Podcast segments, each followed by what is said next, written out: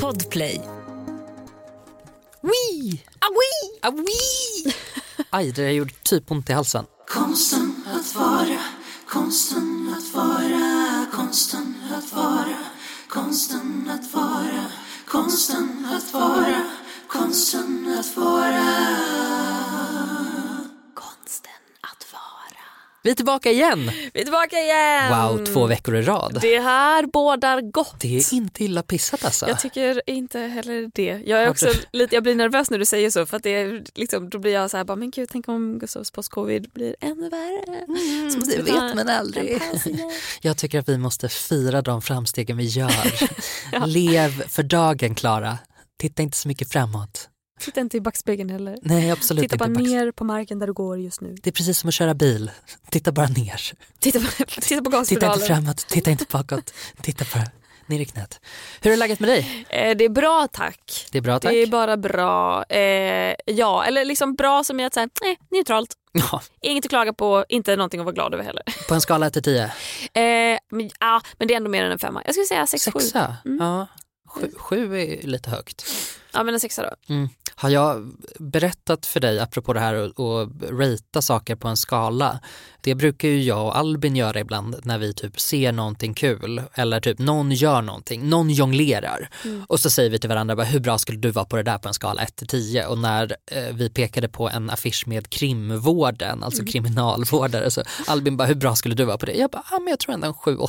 Han bara, är skön i huvudet? Det är klart att du inte skulle kunna jobba inom krimvården och vara en sjua. Jag bara, jo, Varför inte jag det? Nej, men jag, tror, jag tror på mig själv. Nej, jag hade ju tyckt att det var fruktansvärt. Och sen så tror jag också att jag skulle kunna bli som du vet de här experimenten som man gjorde på typ 50-talet. Det är Så här, ni är fångvaktare och ni är fångar. Och så ser man typ hur den eh, makten Ah, stiger dem åt huvudet. För det hade ju 100 procent alltså, hjälpt mig. För att jag blir ju en sån Karen när jag liksom har rätten på min sida. Ehm, så att det hade nog kunnat vara ganska fruktansvärt. Mm. Jag fattar. Ehm, Eh, vad, vad trevligt. Eh, hur mår du då på en skala 1 till 10? Jo men jag mår ändå på en skala, ja, jag skulle väl säga en sexa alltså. alltså. Och då är det typ, det enda som drar ner det är att jag är lite seg i huvudet och Mm. lite, lite så här, eh, lite postcovidig.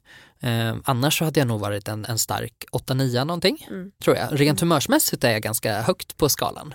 Gud vad skönt. Ja men det är ju härligt Trevligt. faktiskt. Det, det är eh, riktigt nice. Har börjat kunna röra på mig lite mer, Ja. lite längre. Bra, gud vad bra. Ah. Jag tycker det är så svårt att skatta sitt mående har jag Mm. insett. Eh, för jag tror att jag eh, överskattar det. För att det ser så jobbigt ut, eller det låter så jobbigt att säga en låg siffra. Mm. Att jag, så här, jag och min tjej har någon app där vi fyller i hur vi mår. Mhm. Vilket är ganska fiffigt för att så här, ibland så vet man liksom inte, jag är ganska tyst liksom när jag inte mår bra. Och då kan det ju vara jättesvårt för henne att veta, är hon sur på mig? Eller är hon trött? Är det här en grej som ni har då i, relationen och så ser du Ja. vad, vad hon är på för Ja. Ja. Så man får fylla i som en liten Men minidagbok.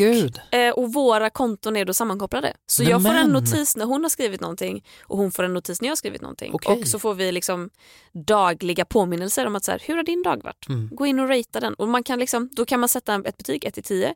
Man kan sätta emojis liksom på om man är glad, arg, ledsen, besviken, spänd, nervös, orolig, pirrig, kär. Du vet. Allt möjligt och sen kan man skriva ett lite längre dagboksinlägg om man vill och det är väl verkligen upp till en själv hur mycket man vill brodera ut det där.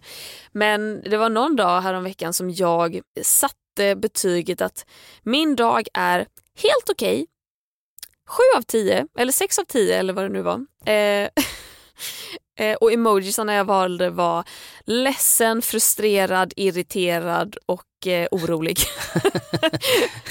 Bra dag. Ja, så då kände jag när jag såg det i efterhand, när jag såg liksom sammanfattningen av det hela, jag bara, jag tror inte min dag är 6 av 10. Nej, Det, tror låter, det låter inte det. som att den är 6 av Nej. 10, det låter som att den är 2 av 10. Så där gör ju jag också med min, jag har ju fortfarande uppföljningar med min eh, läkare framförallt då. Eh, på den här mottagningen som jag gick i terapi på har jag fortfarande en toppenläkare som jag har kontakt med angående min antidepressiva medicin och så. Och då får jag ju liksom fylla i sådana skattningar, kanske en gång i veckan då.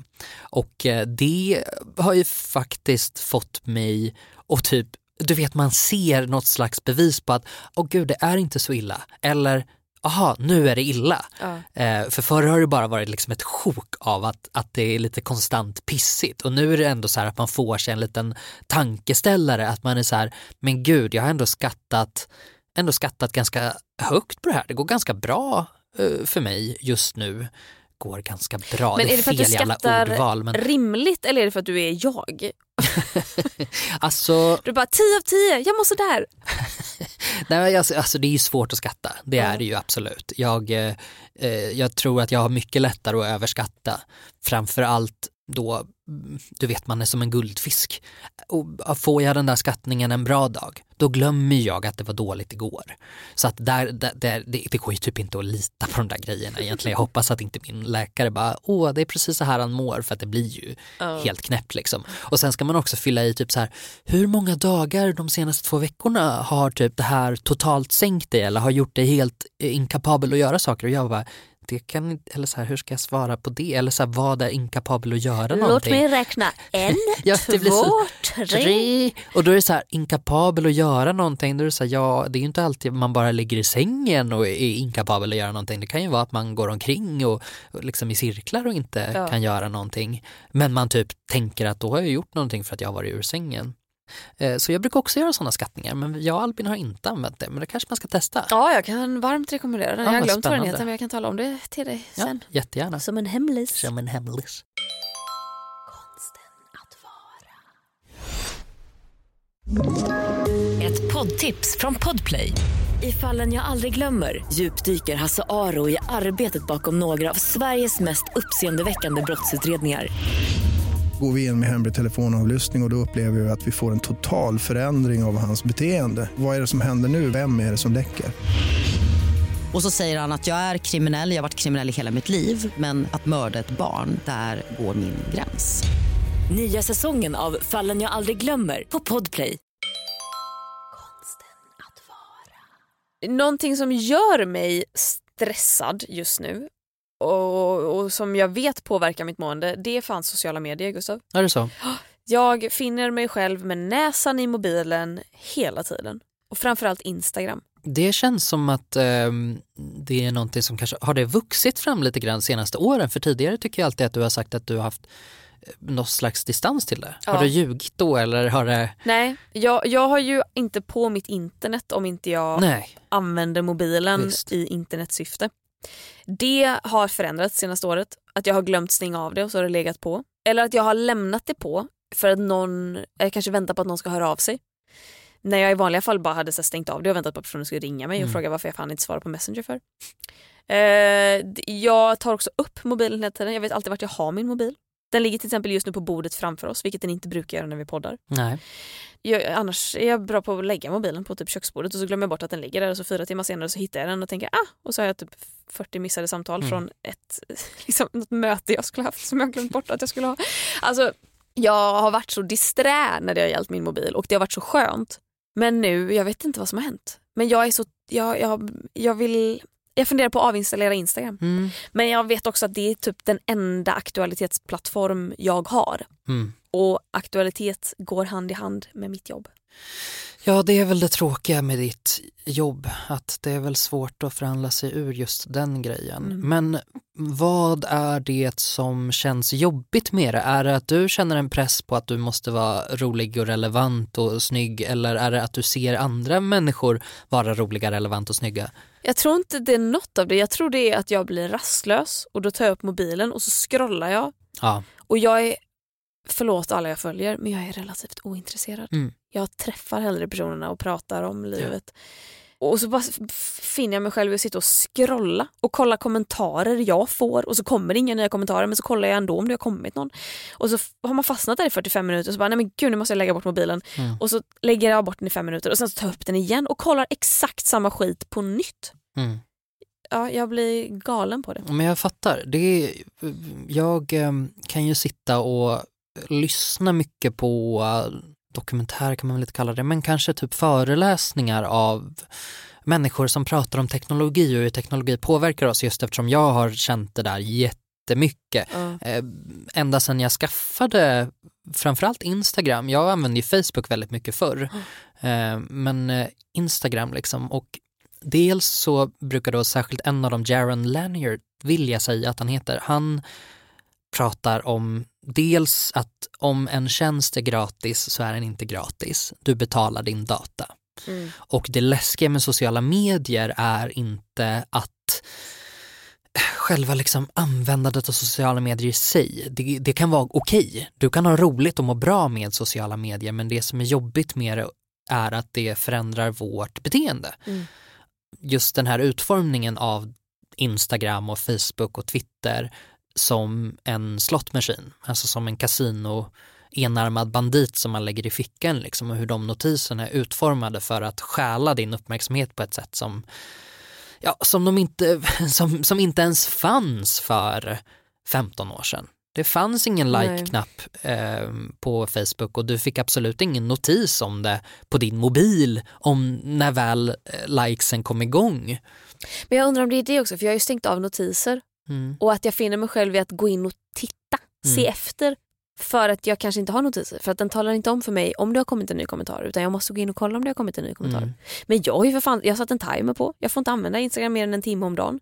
Den timmen rinner iväg. Och det sjuka är ju Men att går du in och, och lägger till tid? då? Ja, för den, Frå den frågar ju mig, Mm. vill du ha mer tid Ja. idag? Naturligtvis. Ja men det är klart att jag vill Ja, ha mer klart. tid, jag är ju inte färdig. Dumma jävel. Varför stänger ni inte bara ner app-helvetet? Mm.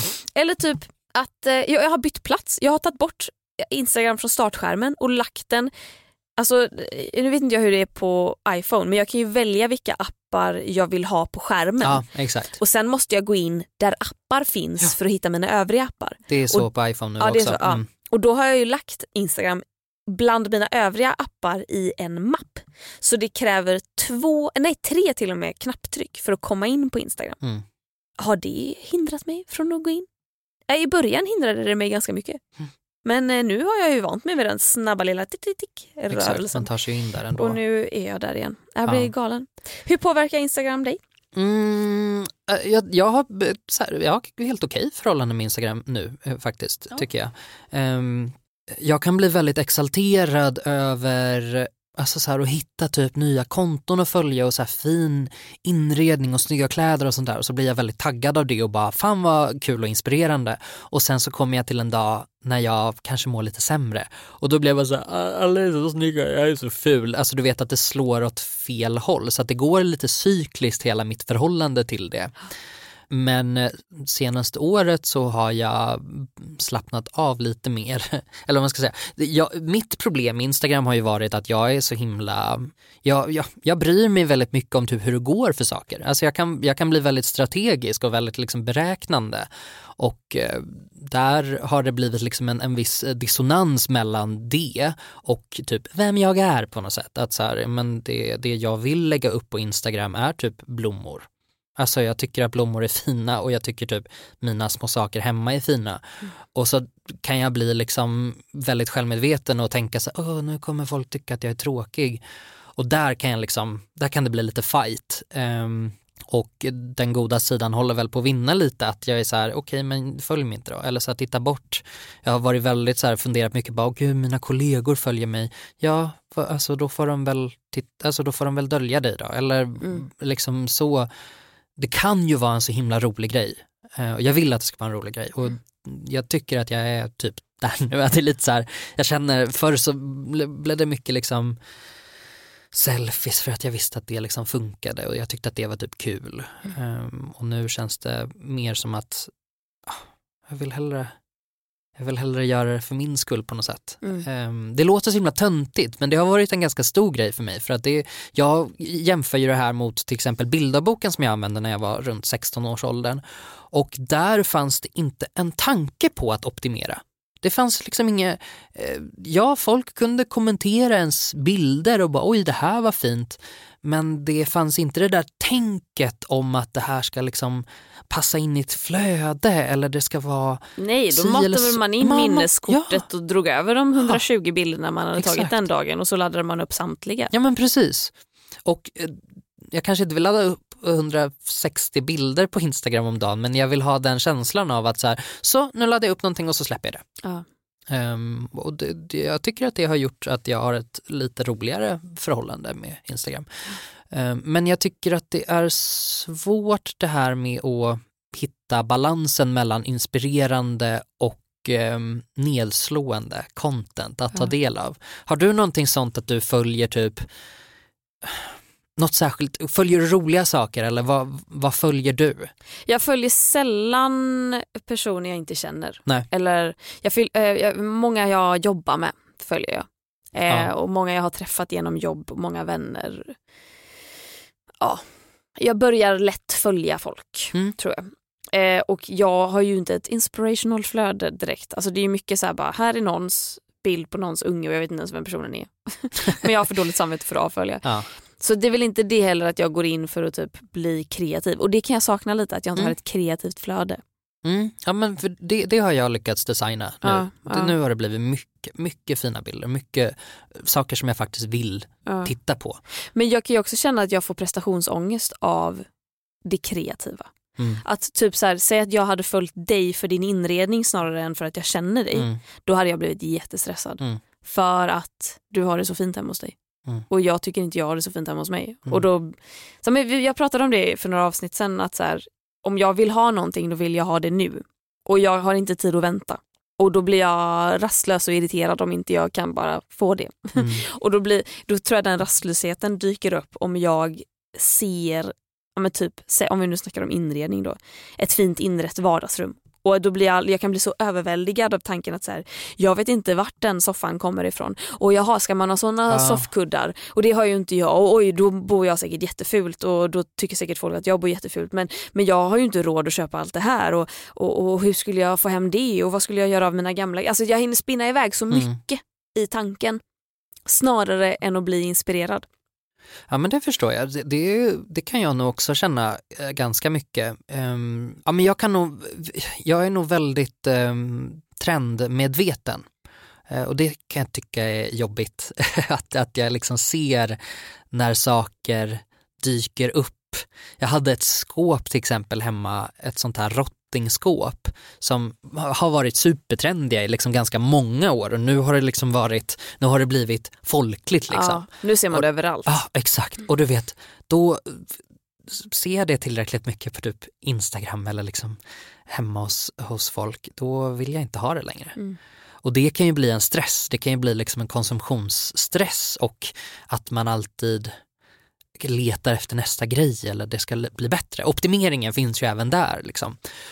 Och det är ju inte alltid lätt att hålla det på en hälsosam och rolig nivå. Det är, det är en utmaning att tycka att det är kul på något sätt och inte bli så här, åh helvete nu har alla den här eh, fåtöljen eh, nu.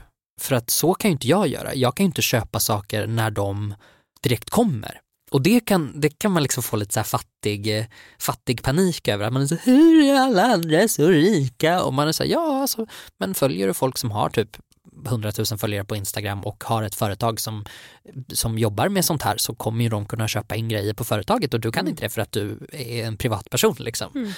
Så då blir det ju både lite panik över det men sen också lite utmaning att försöka ta reda på vad är det som kommer hålla i längden. Mm. Eh, Och det, där har man ju inte alltid rätt. Men eh, jag försöker, jag har börjat följa lite mer eh, roligt content tror jag. Alltså så här, någon typ eh, koreograf som gör typ roliga danser Mhm. kan jag kolla på. Eh, Very TikTok. Very TikTok, ja men alltså och då är det typ en kvinna kanske i 40-årsåldern som är tjock. Alltså så att jag ändå typ känner att okej men jag måste nog aktivt motverka alla de här eh, framförallt smala människor Ja. som jag ser. För det, det ser jag väldigt mycket av. Mm. Um, oh, men eh, folk som lyssnar nu, har ni tips på framförallt manliga influencers som sysslar med mode och som verkligen jobbar high-end mode och som kanske är modell större? Hit me up för att jag saknar det. Ja. Eh, Jag saknar det, att, att, eh, att se alla de coolaste är pinsmala. Pinsmala och långa. Mm. Och jag undrar lite grann, finns det inga coola, tjocka? Eh, Är de Det gömda ju allihopa? finnas Ja, många. du är lite trött på att lägga upp selfies. Jag är lite trött på att lägga upp selfies. Jag skulle vilja vara mer kreativ i mitt flöde Mm. faktiskt. Har du utrymme att vara det? mm. Eller för, för dig blir det mer en företagsgrej liksom. Ja och problemet är väl att jag inte känner mig som en så kreativ person. Mm. Många ser ju mig som otroligt kreativ. Mm. Men jag har väl insett att alltså, så här, jag kan vara kreativ. Och jag är nog som bäst kreativ om jag får eh, ett uppdrag Mm. och en grund. Visst, ramverk. Ja, här är vad du ska göra. Okej, då gör jag det. Kikikiki, och så har vi lite fun times. Liksom. Men det här liksom med att folk får idéer hela tiden och bara nu ska jag förverkliga min nya idé. Jag fattar liksom inte hur Amy DeSismond kunde här, skriva en serie och ro den i land med sig själv i huvudrollen till Viaplay. Alltså så här, det är liksom beyond me hur man Mm. gör något sånt. För jag, jag kanske har en rolig idé om året och så tänker jag den och så är det en flyktig tanke och sen försvinner den och så tar jag aldrig tag i det. Mm. Jag är så himla okreativ och jag tycker att mitt content är så fult också. Jag tycker alla bilder jag tar, det är bara selfies. Mm. För jag vet att det, det får likes Mm. och då vet jag att då finns jag fortfarande i folks flöden och finns jag i folks flöden så finns jag i folks liksom, top of mind. Just det, jag kom på vad jag skulle säga! Ja, Att det finns ju en del av Instagram som talar om för dig vilka konton som kommer upp i ditt flöde. Har du sett det? ehm, alltså när man kollar så här, de här interagerar du mest med. Ja. Ja, Då är så här, här är de kontona som Fast jag tror inte ens det är det att de, man interagerar med. För att, typ, jag har ju konton jag skriver med. visas Alltså, typ, mest i flödet. vi, precis, de typ. här ja. visas mest. Ja, Där hamnar ju konton som jag inte vill ha i mitt flöde. nej. Där ju, hamnar ju någon random som jag jobbade med för fyra år sedan vars bild dök upp och det var en fin somrig bild så jag likade den och sen fortsatte den här personen komma upp i mitt flöde Mm. och liksom bytte ut en av mina bästa vänner man bara nej jag vill inte jag vill kunna styra den listan själv. Mm. För vad det hade blivit mycket trevligare då. Då hade jag ju Ja. kunnat följa folk och göra det för att vara snäll. Men skräddarsy mitt flöde och bara lägga sånt där som jag faktiskt mår bra av i stunden. Mm. Ja, nej men 100 procent. Det vore ju en feature som man faktiskt vill, vill se. Och som Instagram hade kunnat tjäna på också för då hade jag ju varit inne på Instagram ännu mer. Mm. Ja, troligtvis. För att inte missa vad mina närmaste vänner gör. Liksom.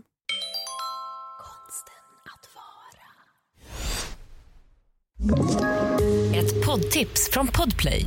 I fallen jag aldrig glömmer djupdyker Hasse Aro i arbetet bakom några av Sveriges mest uppseendeväckande brottsutredningar. Går vi in med hemlig telefonavlyssning och, och då upplever vi att vi får en total förändring av hans beteende. Vad är det som händer nu? Vem är det som läcker? Och så säger han att jag är kriminell, jag har varit kriminell i hela mitt liv men att mörda ett barn, där går min gräns. Nya säsongen av Fallen jag aldrig glömmer på Podplay. Konsten att vara.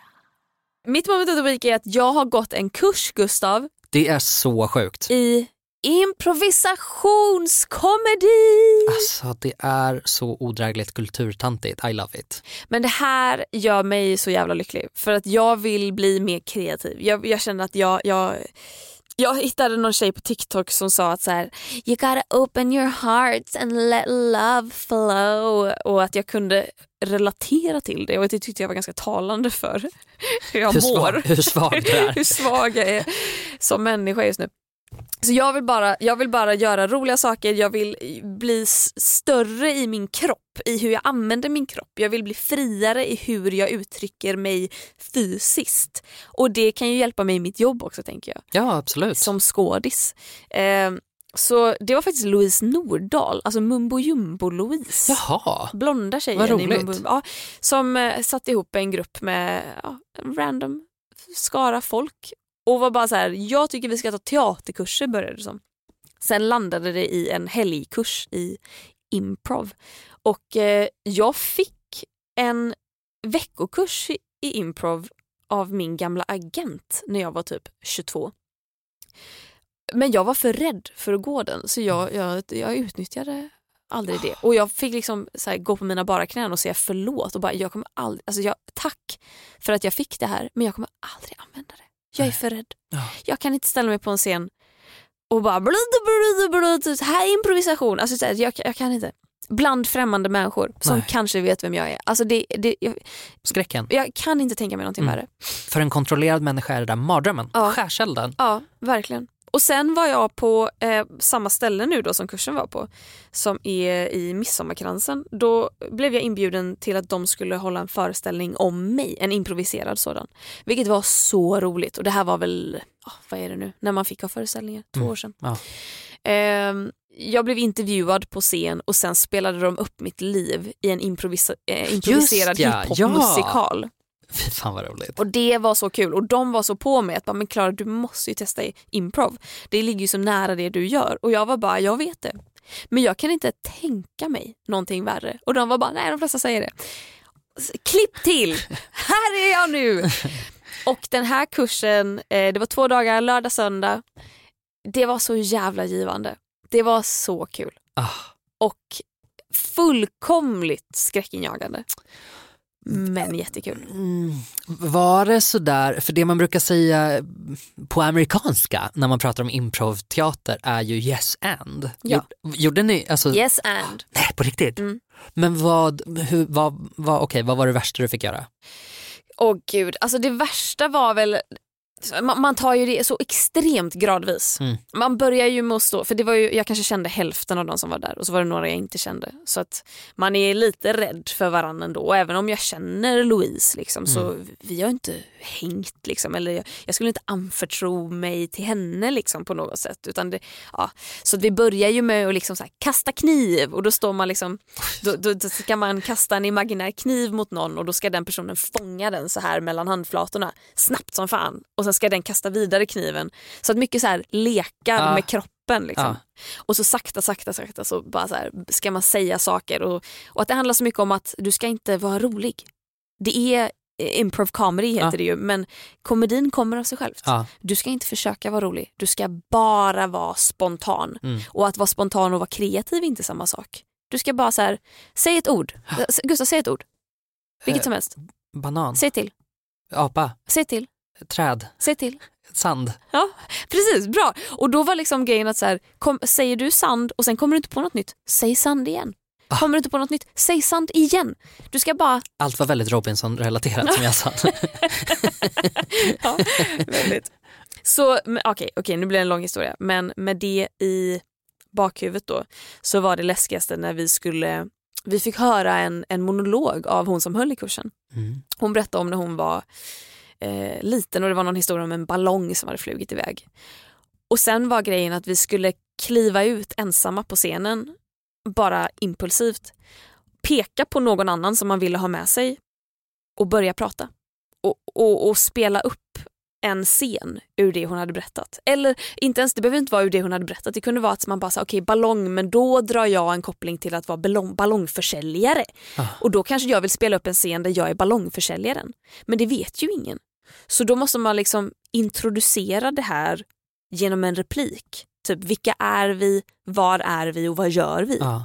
Och den andra måste förstå vart du är på väg och kunna haka på.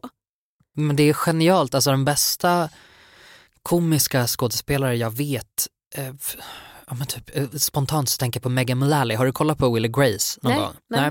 Eh, men det var en, stor sitcom på 90-talet som var så här hbtq i ehm, vänlig, eh, ah, de var lite transfobiska, men det var, det var back in the days, de visste inte bättre. Ehm, HB-vänliga. de var lite H-vänliga. Ah. B var väl också lite sådär de bara, ah, it does not exist, typ. Eh, så det var, det var 90-talet, 90-talets Amerika, men de skådespelarna tror jag allihopa kommer från improvisationsteater för att det finns någon så här jättekänd Groundlings, känner du igen det? Nej. Nej, det är någon så här jättekänd och alla som är med i SNL också Ja. har liksom plockats därifrån och, och, och det, det enda de gör är improvisera. Mm. Och det gör att de blir så jävla jävla duktiga. Mm. Så att det låter ju jättelovande att du har varit på det. Ja, jag, jag vill gå mer och som, för att knyta ihop den här säcken så vill jag bara lämna mitt moment of the week med ett tips till alla som lyssnar och det är att se på Netflix Middleditch and Schwartz. Två efternamn. Mhm. Middleditch and Schwartz. Exakt. Ehm, jag kan länka i vår Facebookgrupp. Alltså de har en föreställning Ah. där de inte vet vad, vad som kommer hända. Åh gud vad roligt. Så de bara väljer ut någon i publiken och bara så här, vad, vad är du nervös eller ser fram emot, eller, ni- nervös inför eller ser fram emot eller är rädd för? Mm. Och så får de bara så här, "Ah, min kommande tenta. Och de bara okej, intressant, berätta mer. Och sen så spelar de upp det här i en 50 minuters föreställning. Oj, wow! Och de är så roliga. Alltså det är så bra. ja, Finns tre avsnitt, titta på det. jättebra, bra tips.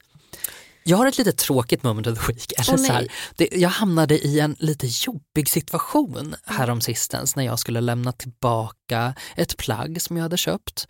För att jag hade provat det hemma och varit så här, "Uff", du vet, man bara, det, är lite, det är lite för dyrt för att, för att behålla det för att jag är inte tillräckligt liksom kär i det eller vad man ska säga. Så att jag tänkte att ja, men jag, jag tar tillbaka det här. Och, eh, ja, jag eh, liksom kom in i butiken och så var det liksom en som uppenbarligen jobbade där som bara tittade upp och var lite så här blasé och jag bara hej jag ska lämna eh, tillbaka en grej. Hon bara okej, typ. Jag bara hmm, ja. Och så liksom följdes vi åt på något konstigt sätt till kassan och jag plockade upp den här eh, oanvända skjortan då och hon plockade med den och sa, ja ah, okej. okej. Och sen så liksom blir hon tyst och bara, jag kan absolut inte ta tillbaka den här. Och jag bara, Va? nej okej, okej. Uh, nej, det, det var märkligt. Hon bara, ja för att du har brutit originalförpackningen, du, du har tagit bort etiketten. Och ja, jag hade lossat, du vet säkerhetsnålen Ja. som etiketten satt fast med och tänkte väl att den kan man ju uppenbarligen sätta Ja. tillbaka liksom, men jag hade inte gjort det. Eh, och det var dumt eh, för att det utvecklades i någon så här konstig stand-off situation oss, oss emellan och jag var så här Skoj, skojar du med mig? Eller hon bara, det står jättetydligt här på kvittot att du inte kan lämna tillbaka någonting med bruten förpackning. Och jag bara, "Oh, okej. Det är faktiskt så i alla butiker. Och jag bara, okej, ja alltså det var märkligt. Hon bara, ah, jag kan säkert ge dig pengarna tillbaka, men jag, eller eh, jag kan ge dig eh, typ ett tillgodokvitto, men du kan inte få pengarna tillbaka. Och jag bara, okej, det, var, det var konstigt liksom. Ja. ja, och jag menar, jag har ju alltid tänkt att sitter det fast med en liten säkerhetsnål så är det ju till för att du ska kunna ta bort den och sen sätta tillbaka den. Ja, Visst, alltså, så att du, du ska kunna prova ett jag par- vet alltså, inte. Alltså, Men- det, är ju inte, det är ju inte den här lilla plasttaggen som Nej, du rycker loss. Exakt, precis. Och då har man liksom använt det, Ja. förbrukat det. Nej men så jag blev jätteförvånad och jag var inte på så himla bra humör själv så att jag var inte sådär överdrivet trevlig liksom för att annars så mm, kanske man vill liksom rädda situationen lite grann, att man försöker vara lite extra trevlig men hon liksom bara fräste åt mig. Var det en dyr skjorta? Ja, Ja. det var det. Ja, då ska du väl för fan ha rätt att lämna tillbaka Jag- den. Om jag inte har en stor det. jävla blåbärsfläck i röva. Liksom. hon bara, jag ser att den är oanvänd men jag kan inte ta tillbaka den. Och det här gjorde mig så himla obekväm för att det blev liksom så himla tyst. Och det var typ att jag liksom väntade ut att hon skulle säga någonting och hon bara liksom stirrade på mig. Och sen så fick jag jätte... Och jag bara, nej, jag, då behåller jag väl skjortan liksom. Hon bara, mm. Jag bara, okej. Brukar du vara dryg eller? Alltså, ja men jag tror att jag var ganska, jag var nog ganska otrevlig mot henne för att hon Men med Eller- all rätt eller? jo, alltså det, ja, men jag fick jättemycket ångest efteråt för att jag tyckte att det, det var så himla, jag är inte van att liksom tappa humöret på det sättet. Jag tyckte det var lite, lite jobbigt liksom, men jag var Mm. också så här att jag bara, varför är man så otrevlig mot någon? Alltså så här, det där hade man kunnat säga mycket trevligare och då hade jag ju aldrig liksom sagt emot på något sätt överhuvudtaget. Så att Nej, jag precis. fick liksom lite dåligt samvete efteråt och kände mig ganska liksom icky och bara nej, fan det här kändes liksom inte bra. Nej, men alltså, jag är all in team vara trevlig mot servicepersonal. Mm. Men om servicepersonal är mean to me, då Ja, har väl inte jag någon Nej, jag skyldighet inte. att vara snäll Det är, tillbaka. det är någonting, jag tycker inte om, för att det där är samma sak med, med, liksom, med, med allt i mitt liv. Jag tycker inte om när jag blir ifrågasatt på det sättet. Att när det blir liksom, jag tycker ju uppenbarligen inte om att höra att jag har gjort fel Nej. på något sätt.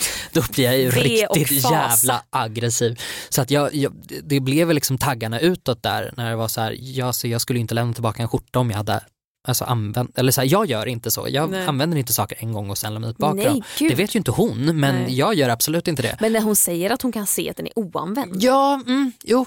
Och liksom, hon så pekade på typ kvittot, bara här står det, här står det att det inte får lämna tillbaka den. Och jag bara, och hon bara, det är faktiskt så här i alla andra butiker. Och jag bara, nej. Eller Och var, var det att, att ta, ähm, säkerhetsnålen var lite öppen eller satt den bara inte på plagget? nej den satt eller? inte på plagget. Var den med överhuvudtaget? Ja, den låg men på. Ja. Alltså, Nej, alltså, och det där gjorde mig så himla obekväm så att jag fick alltså ganska mycket ångest. Just för att jag också blev så otrevlig. För att Ja. jag bara liksom jag vet inte, det var bara jättemärkligt och dumt att man blir, att man känner sig så obekväm av en Ja. sån sak.